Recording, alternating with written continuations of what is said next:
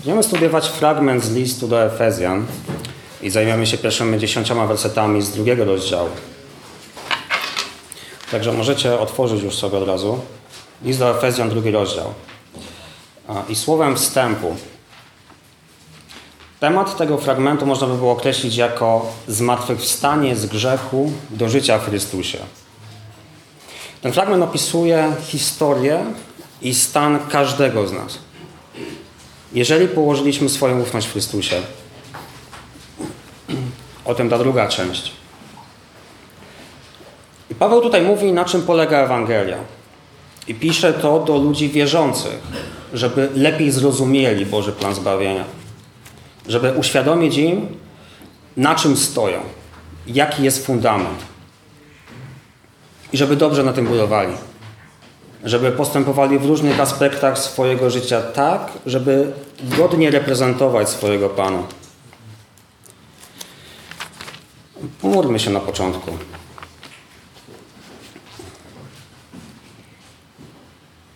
Panie, proszę Cię o zrozumienie tego słowa dla każdego z nas. Proszę Cię o Twoją mądrość, o mądrość od Ciebie i o Twoje prowadzenie. O to, żeby to słowo zakorzeniło się w naszych sercach. Żeby wydało plon, wydało owoc. Żebyśmy umieli stosować to słowo w swoim życiu. Amen. Dobrze. Tak jak powiedziałem, będziemy się zajmować Efezjan, drugi rozdział, pierwsze 10 wersetów.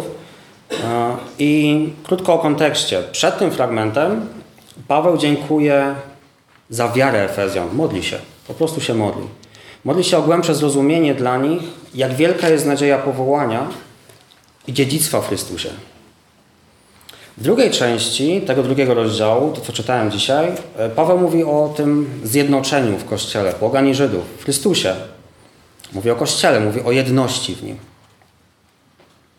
I przeważnie dzieli się ten list na takie dwie części. Pierwsza część jest taka, powiedzmy, teoretyczna. Mówi o Bożym dziele i o, o Kościele Chrystusa, o jedności w Chrystusie. I druga część tego listu, te rozdziały 4 do 6 mniej więcej, mówi o tym, jakie wnioski powinniśmy z tego wyciągnąć. Jak praktycznie zrealizować tą prawdę w naszym życiu. Innymi słowy, mówi o życiu chrześcijańskim jako odpowiedzi na dar zbawienia. I dzisiejszy fragment będziemy omawiać w czterech częściach. Część numer jeden to jest stan człowieka bez Chrystusa. I to są wersety 1 do 3 z tego drugiego rozdziału. Druga część to jest Boża inicjatywa zbawienia. To są wersety 4 do 7. Trzecia część to są wersety 8 do 9. Droga do zbawienia. I część czwarta dobre uczynki jako owoc zbawienia. To jest werset 10. I jeszcze jedna uwaga. Czasami będę przechodził do listu do Rzymian, także ten list też miejcie otwarty, oprócz listu do Efezjan. Dobrze, przejdźmy do tekstu. Stan człowieka bez Chrystusa. Efezjan drugi rozdział, wersety 1 do 3. I was, którzy byliście martwi w waszych upadkach i grzechach, których niegdyś żyliście, według wieku tego świata, według zwierzchnika władzy powietrza, ducha, który teraz działa w cenach nieposłuszeństwa, wśród których i my wszyscy postępowaliśmy niegdyś w rządzach naszego ciała, spełniając pragnienia ciała oraz myśli. I byliśmy z natury dziećmi gniewu, tak jak pozostali.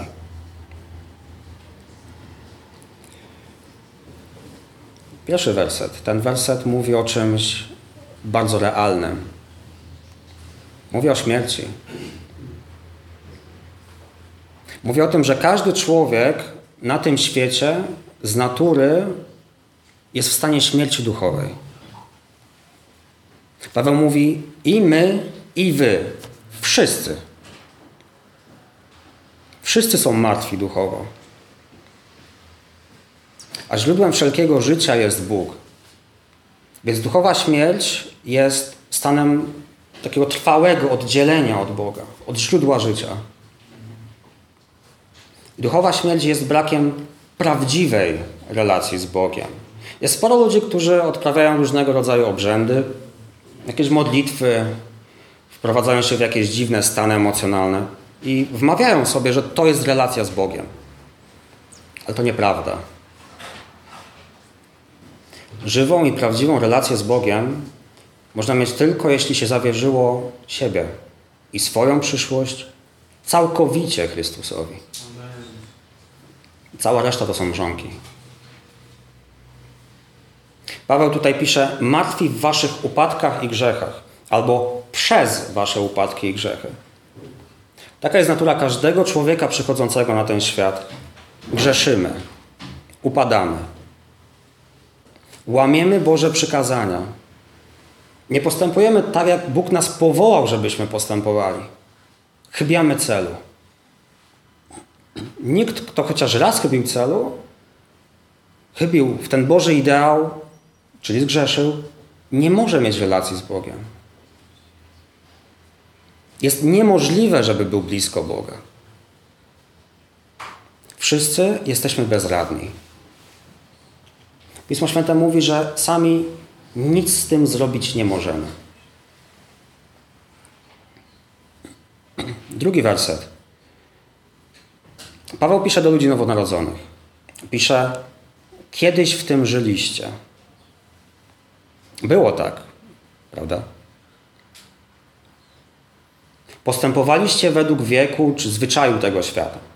Żyliście zgodnie z wartościami i normami, które są w tym świecie. W tym świecie ignorującym Boga i Boże prawo.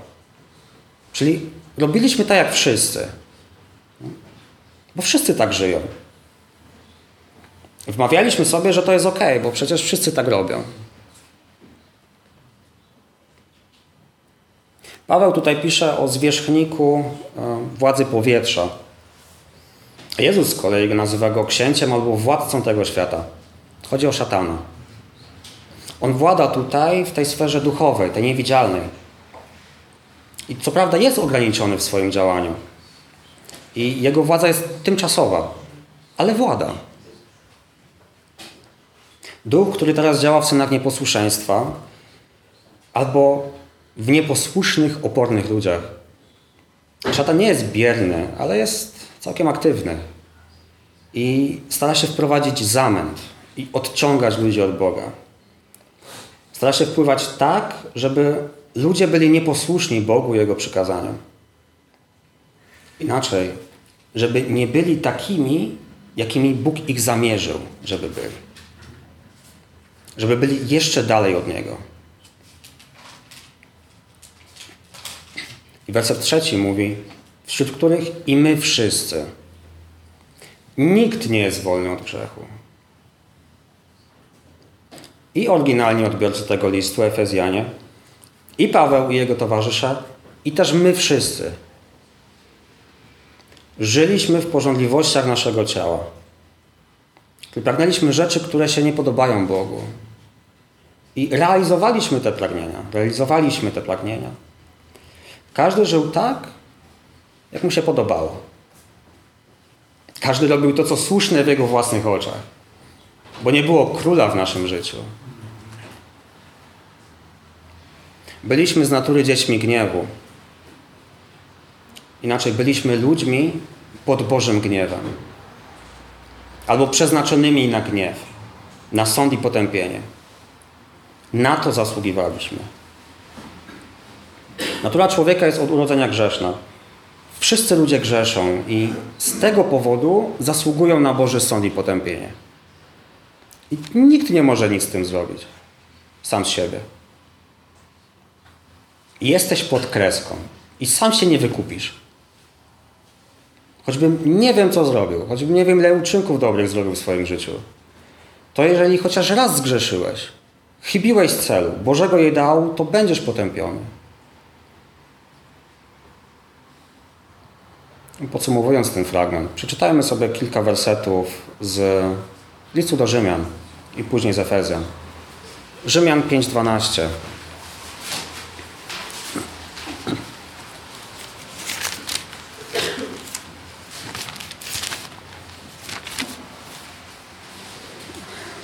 Dlatego jak przez jednego człowieka grzech wszedł na świat, a przez grzech śmierć, tak i na wszystkich ludzi śmierć przyszła, ponieważ wszyscy zgrzeszyli. Z trzeciego rozdziału, wersety 10 do 12. Tak też napisano: Nie ma sprawiedliwego ani jednego. Nie ma, kto by rozumiał, nie ma, kto by szukał Boga. Wszyscy zboczyli, razem stali się podli. Nie ma, kto świadczyłby dobro, nie ma ani jednego. I pierwszy rozdział 29 do 31.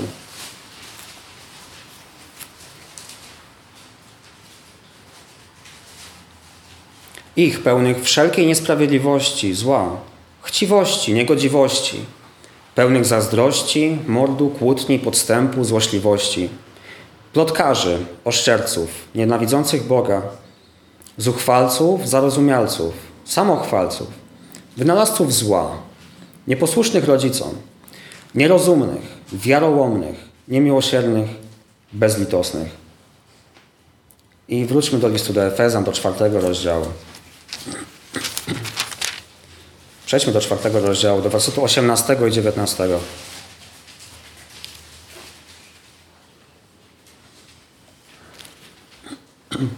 Ociemniali w rozumowaniu, z dala od życia Bożego przez nieświadomość, która w nich jest, przez niewrażliwość ich serca.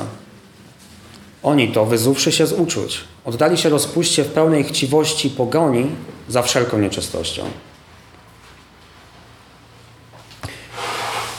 Kto z Was to może powiedzieć o sobie?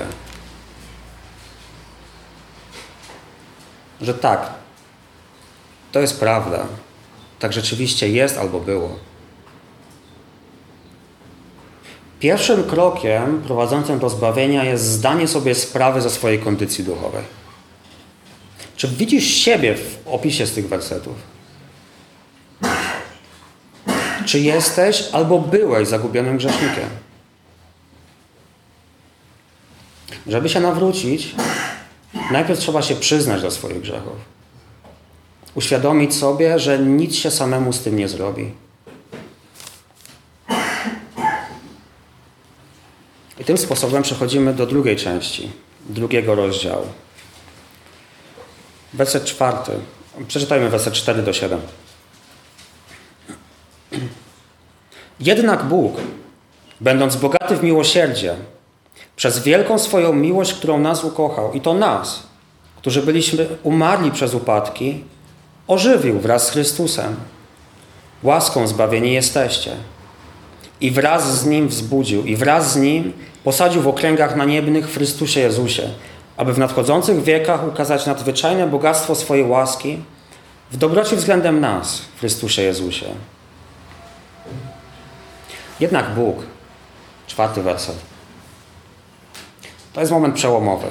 Bóg podejmuje działanie. To On adresuje problem grzechu człowieka. I nie sprowadza natychmiastowego sądu, czego moglibyśmy się spodziewać. Ale On wyciąga do nas rękę. Jest bogaty w miłosierdzie. On potrafi wybaczyć. On potrafi współczuć. O więcej, On jest stwórcą. On jest źródłem wszelkiej miłości, wszelkiego wybaczenia i współczucia. Czemu On coś robi z naszym grzesznym stanem?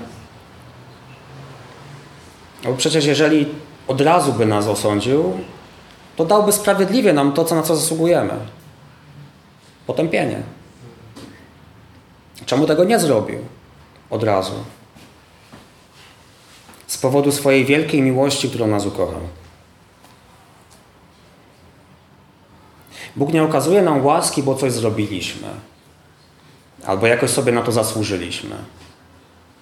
Powód nie jest w nas. Powód jest w Nim. Bo nas ukochał. Okazał ludziom łaskę, bo ma dla nas wielką miłość.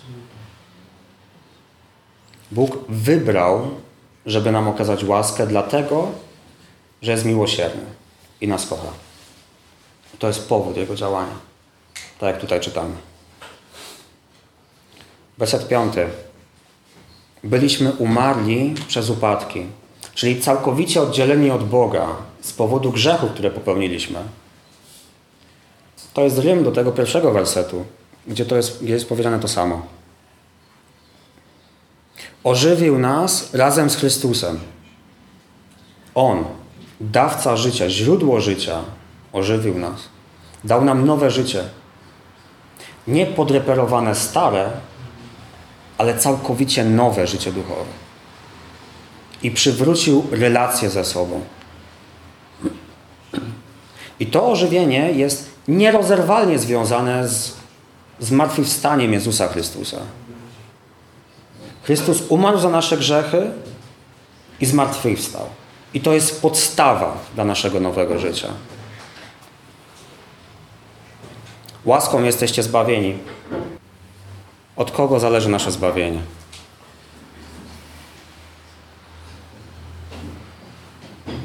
Od kogo zależy, czy spędzimy wieczność w niebie albo w piekle?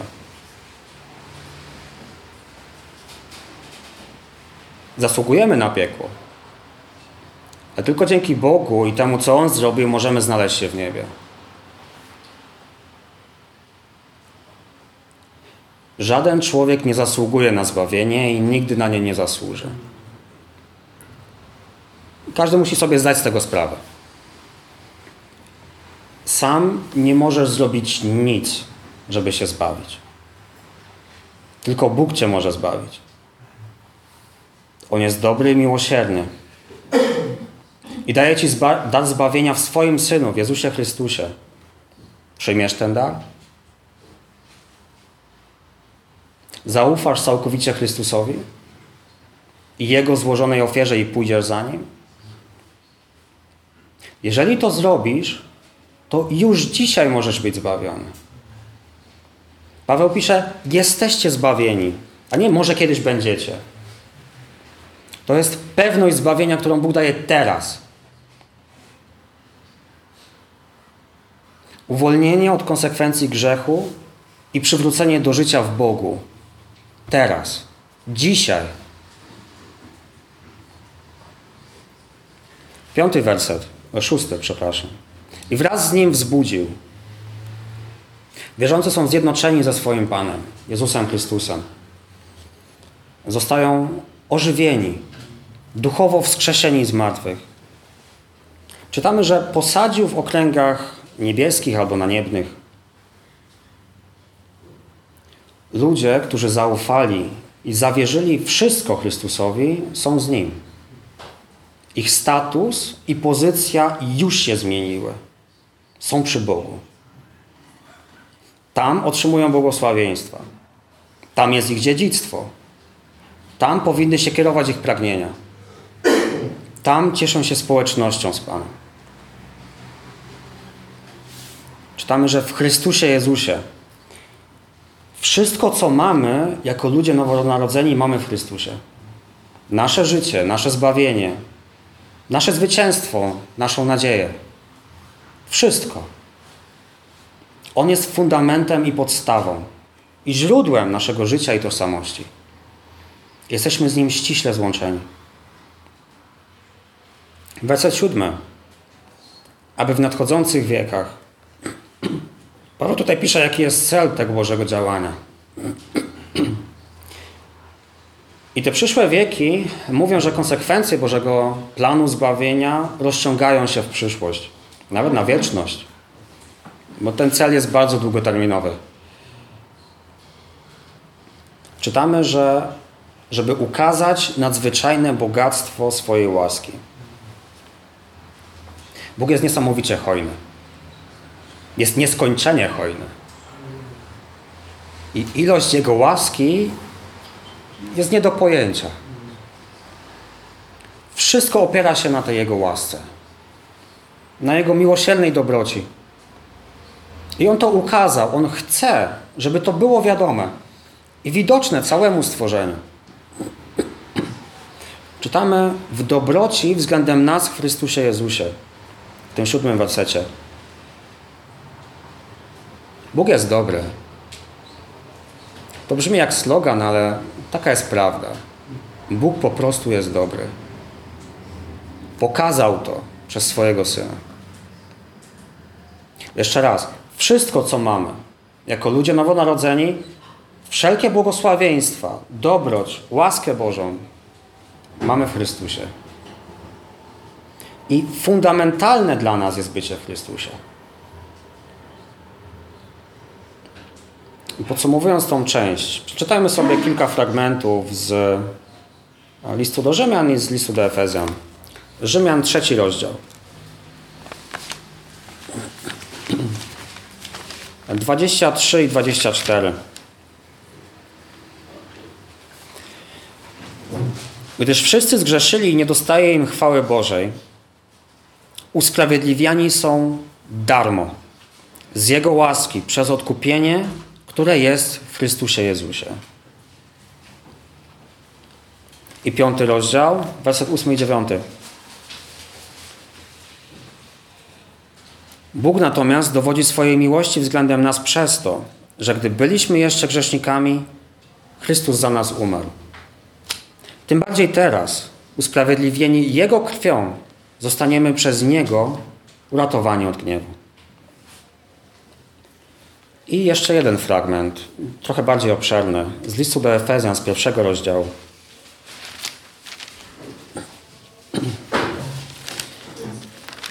Efezjan 1, wersety od 3 do 14.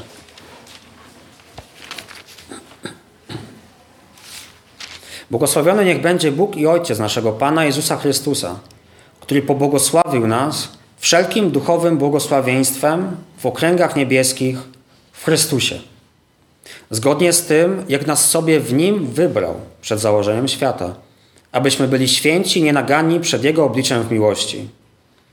Przeznaczył nas dla siebie do synostwa przez Jezusa Chrystusa według upodobania swojej woli, dla uwielbienia chwały swojej łaski, którą obdarzył nas w ukochanym.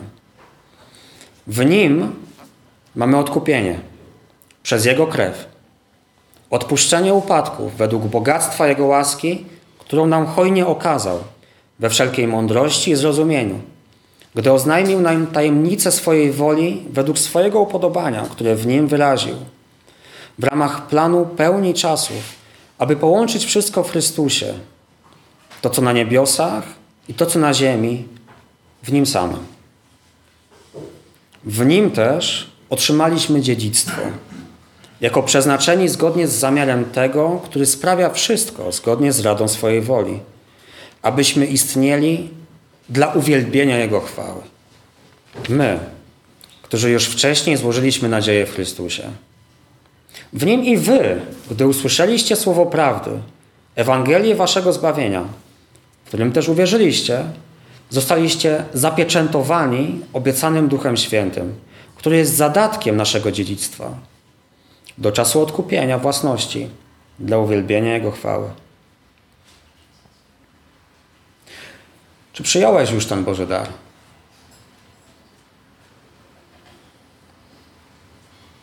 Czy zawierzyłeś się całkowicie i zaufałeś Chrystusowi jako swojemu Panu i Zbawicielowi?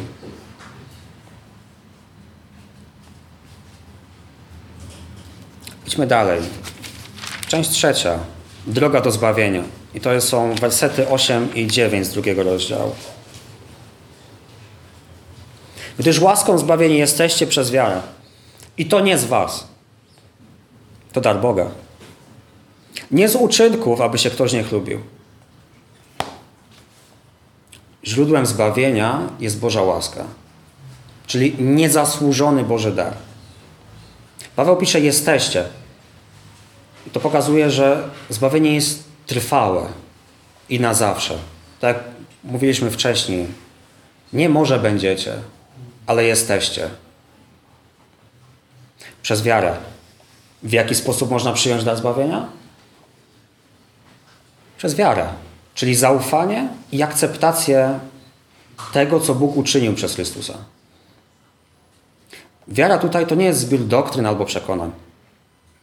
To jest osobiste, głębokie zaufanie do Boga i poleganie na Jego obietnicach. Szczególnie na tej obietnicy zbawienia w Chrystusie. To nie z Was, to dar Boga. Ani zbawienie przez łaskę, ani wiara nie pochodzą od człowieka. Nie z jego wysiłków, nie z jego zasług, nie z jego inicjatywy. Zbawienie jest od początku do końca darem od Boga i Jego inicjatywą. Łaska jest od Boga. I odpowiedź człowieka na tę łaskę, czyli wiara, też jest od Boga. Tylko z łaski, tylko przez wiarę. Werset dziewiąty. Nie z uczynków. Ten werset przedstawia sprawę jasno. Żadne dobre uczynki cię nie zbawią. Żadne praktyki religijne, żadne modlitwy, nabożeństwa nie zbawią cię. Nikt poza Bogiem cię nie zbawi. Aby się ktoś nie chlubił. Zbawienie jest całkowicie od początku do końca darem Bożym. Więc tutaj nie ma miejsca na ludzką dumę albo poczucie wyższości. Nie? Bo coś zrobiłem, zrobiłem więcej niż inni. Albo bo jestem całkiem dobrym człowiekiem. Nie masz się wykazywać przed Bogiem albo ludźmi tym, ile dobrych uczynków zrobiłeś w swoim życiu. I porównywać się z innymi. Nie, masz pokornie i z wdzięcznością przyjąć darowaną łaskę.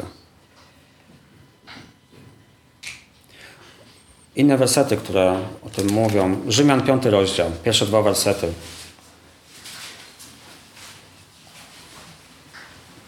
Chrystus wyzwolił nas do wolności.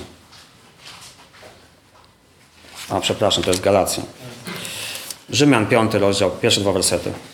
Usprawiedliwieni zatem z wiary pokój mamy z Bogiem przez naszego Pana Jezusa Chrystusa, przez którego zyskaliśmy też dostęp dzięki wierze do tej łaski, w której stoimy i chlubimy się nadzieją chwały Bożej. I z trzeciego rozdziału Rzymian 27-28. Gdzie więc chluba? Wykluczona. Przez jakie prawo? Uczynków? Nie, ale przez prawo wiary. Uznajemy bowiem, że człowiek jest usprawiedliwiany przez wiarę, niezależnie od uczynków prawa.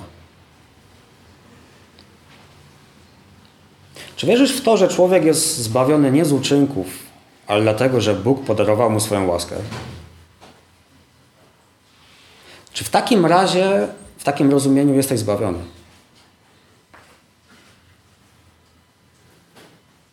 A jeżeli jesteś, to czy pamiętasz, że wszystko, co masz i kim jesteś, to otrzymałeś z łaski od Boga?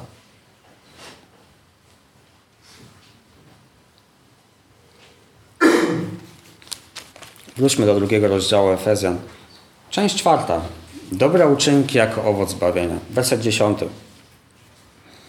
Jego bowiem dziełem jesteśmy stworzeni w Chrystusie Jezusie do dobrych uczynków, które Bóg przygotował wcześniej, abyśmy w nich żyli. Werset zaczyna się od stwierdzenia: Jesteśmy Jego dziełem. Każdy człowiek jest unikalnie stworzony i zaplanowany przez Boga. Bóg osobiście Cię stworzył. Stworzeni w Chrystusie Jezusie, to znaczy, że nowonarodzeni ludzie są nowym stworzeniem. Stworzeni do dobrych uczynków. Jesteśmy nowonarodzeni nie tylko po to, żeby otrzymać zbawienie. Jesteśmy powołani do nowego życia, które owocuje w dobrych uczynkach. Dobre uczynki są wyrazem życia w zjednoczeniu z Chrystusem, które Bóg wcześniej przygotował. Bóg suwerennie zaplanował i przygotował ścieżki dobrych uczynków dla każdego wierzącego. On jest inicjatorem i On prowadzi. Nasze życie tutaj nie jest bez znaczenia. Mamy dawać dobre świadectwo o naszym Panu w tym świecie. Mamy świecić jasno. Nasze życie ma cel i sens. Bóg to dla nas przygotował. Paweł pisze, abyśmy w nich żyli. Prawdziwe biblijne chrześcijaństwo jest bardzo praktyczne. Nie jest tylko jakąś teoretyczną wiedzą. Pismo Święte co chwila wzywa nas do podjęcia jakiegoś działania, do zaangażowania się do konkretnych postaw, do konkretnych postaw. do konkretnego, właściwego postępowania, do bycia posłusznym Duchowi Świętemu w tym, jak nas prowadzi, do godnego reprezentowania naszego Pana w tym świecie i wobec siebie nawzajem. Zbawienie nie jest wynikiem dobrych uczynków, ale dobre uczynki są nieodłącznym elementem życia zbawionej osoby. Jeżeli się naprawdę nawróciłeś i narodziłeś na nowo, to na pewno będą w Twoim życiu widoczne tego owoce. Bóg przygotowuje drogę, a wierzący są wezwani do chodzenia po tej drodze.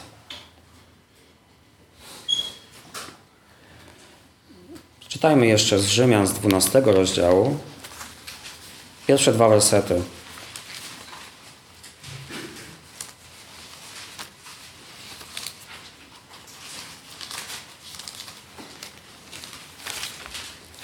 Zachęcam Was zatem, bracia, ze względu na miłosierdzie Boże, abyście stawili swoje ciała jako ofiarę żywą, świętą, miłą Bogu, na Waszą duchową służbę. Przestańcie też dostosowywać się do tego wieku, lecz dajcie przeobrazić się w odnowie umysłu, abyście umieli rozróżnić, co jest wolą Bożą, co jest dobre, przyjemne i doskonałe. I jeszcze jeden fragment, trochę dłuższy, z czwartego rozdziału listu do Efezjan.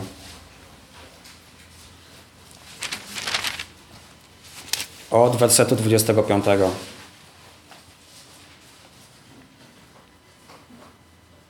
Dlatego odrzućcie kłamstwo i mówcie prawdę. Każdy ze swoim bliźnim, gdyż jesteśmy członkami jedni drugich. Gniewajcie się, lecz nie grzeście. Niech słońce nie zachodzi nad waszym gniewem, ani nie dawajcie miejsca diabłu. Kto kradnie, niech kraść przestanie. Raczej niech się trudzi, wypracowując własnymi rękami dobra, aby miał z czego udzielać potrzebującemu. Niech żadne zepsute słowo nie wychodzi z waszych ust, ale tylko dobre dla zbudowania, gdy trzeba, dla udzielenia łaski słuchającym. I nie zasmucajcie Bożego Ducha Świętego, którym zostaliście zapieczętowani na dzień odkupienia. Wszelka gorycz i gwałt, i gniew, i krzyk, i oszczerstwo niech będą usunięte spośród was wraz ze wszelką złośliwością Bądźcie zaś jedni dla drugich mili, serdeczni, przebaczający sobie nawzajem, jak i wam Bóg przebaczył w Chrystusie.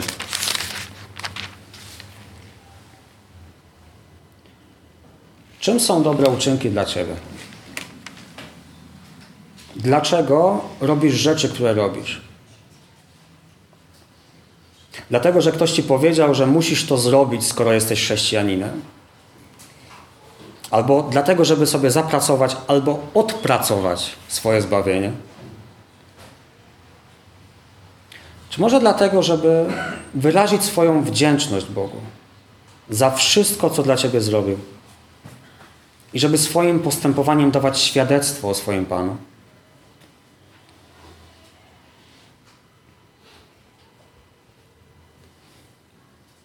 Na zakończenie podsumujmy sobie najważniejsze rzeczy z tego fragmentu. Po pierwsze, jaki jest stan człowieka na tym świecie? Każdy grzeszy i upada. Każdy jest duchowo martwy. Każdy jest oddzielony od Boga. Każdy żyje tak, jak ten świat mu każe. Każdy zasługuje na, to, na potępienie.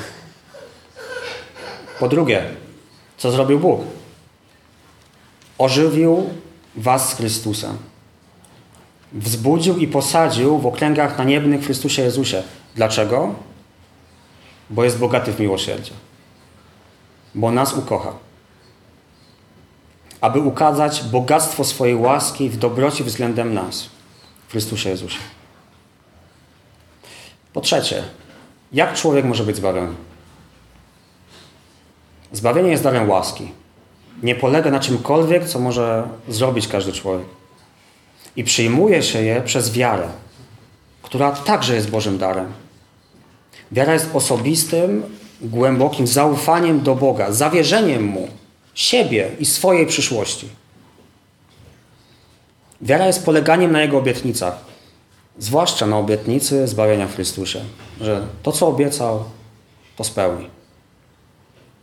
Po czwarte, jaki jest owoc zbawienia? Dobre uczynki, przygotowane wcześniej przez Boga, do których jesteśmy stworzeni w Chrystusie Jezusie. Wszystkim, co robimy, mamy głosić Chrystusa i to, co dla nas zrobił. Przeczytajmy jeszcze dwa pierwsze wersety piątego rozdziału Efezjan.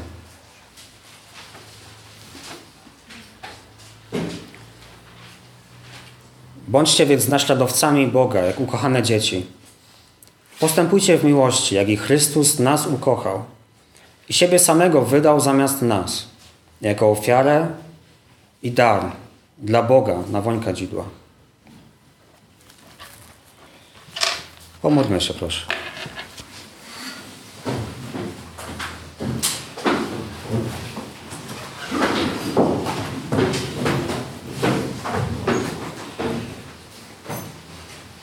Panie, proszę Cię o to, żebyśmy zrozumieli, jak wiele Bóg nas zrobił.